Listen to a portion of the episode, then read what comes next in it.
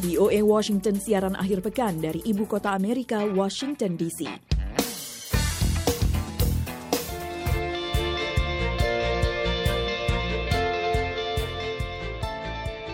Halo pendengar, selamat bergabung dengan VOA Washington dalam acara VOA Weekend Sabtu 15 Agustus 2020. Semoga Anda sehat selalu pada masa pandemi virus corona ini. Tak terasa ya, kita semua telah lima bulan bekerja di rumah. Untuk itu acara VOA Weekend ini pasti asik untuk menemani Anda sambil kita tetap berjaga jarak. Saya Puspita Sariwati ditemani oleh rekan Leonard Triono. Ya, itu namanya jauh di mata, dekat di hati. Karena kami semua masih bekerja di rumah, juga dengan mendengar semua di tanah air yang jauh dari sini. Saya Leonard Triono tetap setia menemani Anda kali ini dalam acara VOA Weekend yang selalu menampilkan rubrik menarik dengan topik kehidupan beragama, kehidupan kampus, dan pemberdayaan perempuan. Ya, mungkin pendengar sudah tidak sabar lagi ya. Baiklah, yang pertama, setelah tiga tahun tertunda karena masalah keuangan, pembangunan gereja ortodoks Yunani dilanjutkan kembali beberapa waktu lalu.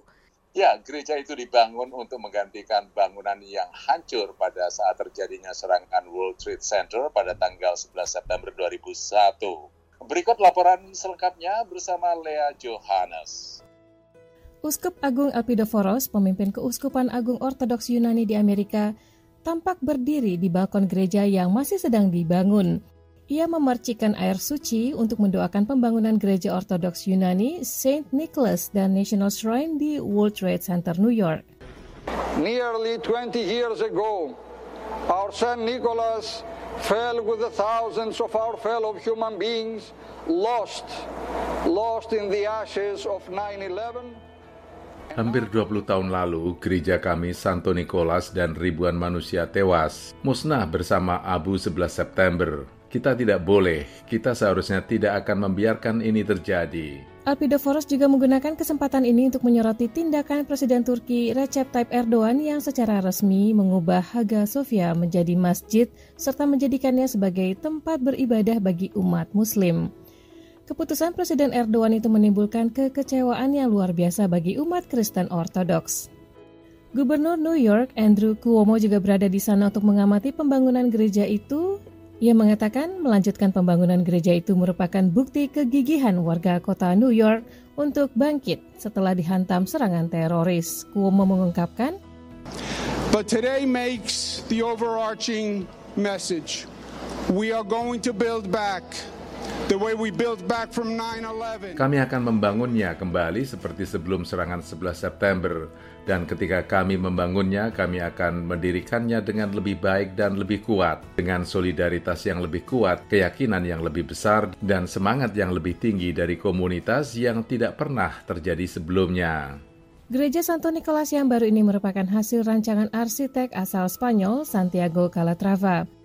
Walau saat ini tampak seperti bunker yang terbuat dari beton, nantinya setelah rampung, kubah itu akan dilapisi marmer dan diapit oleh dua menara seperti dua kuil Bizantium yang terinspirasi dari bangunan The Church of the Holy Savior di Kora dan Hagia Sophia di Istanbul yang diubah menjadi masjid bulan lalu.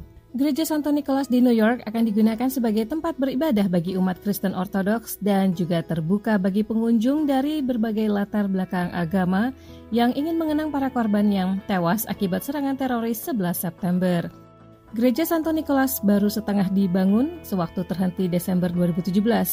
Pada bulan Januari lalu, pejabat gereja Ortodoks Yunani dan Gubernur Cuomo mengumumkan rencana untuk menyelesaikan pembangunan gereja Santo Nicholas tahun ini, namun rencana itu tertunda karena pandemi virus corona. Pihak gereja berharap pembangunan itu dapat diselesaikan pada tanggal 11 September 2021 bertepatan dengan peringatan 20 tahun terjadinya serangan teroris.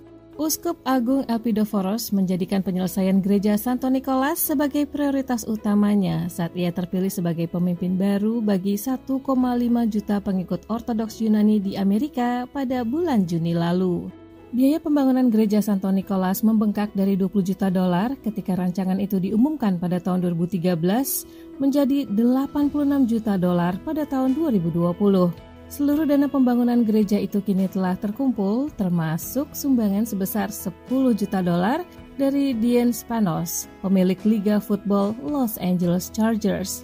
Gereja Santo Nicholas eksis di New York sejak tahun 1916 sewaktu sejumlah imigran Yunani di Amerika mulai membentuk kongregasi di kawasan Lower Manhattan. Pada tahun 1919, mereka membeli sebuah bangunan sederhana mengubah fungsinya menjadi sebuah gereja dan kemudian runtuh pada tahun 2001 akibat serangan teroris. Lea Johannes, VOA Washington.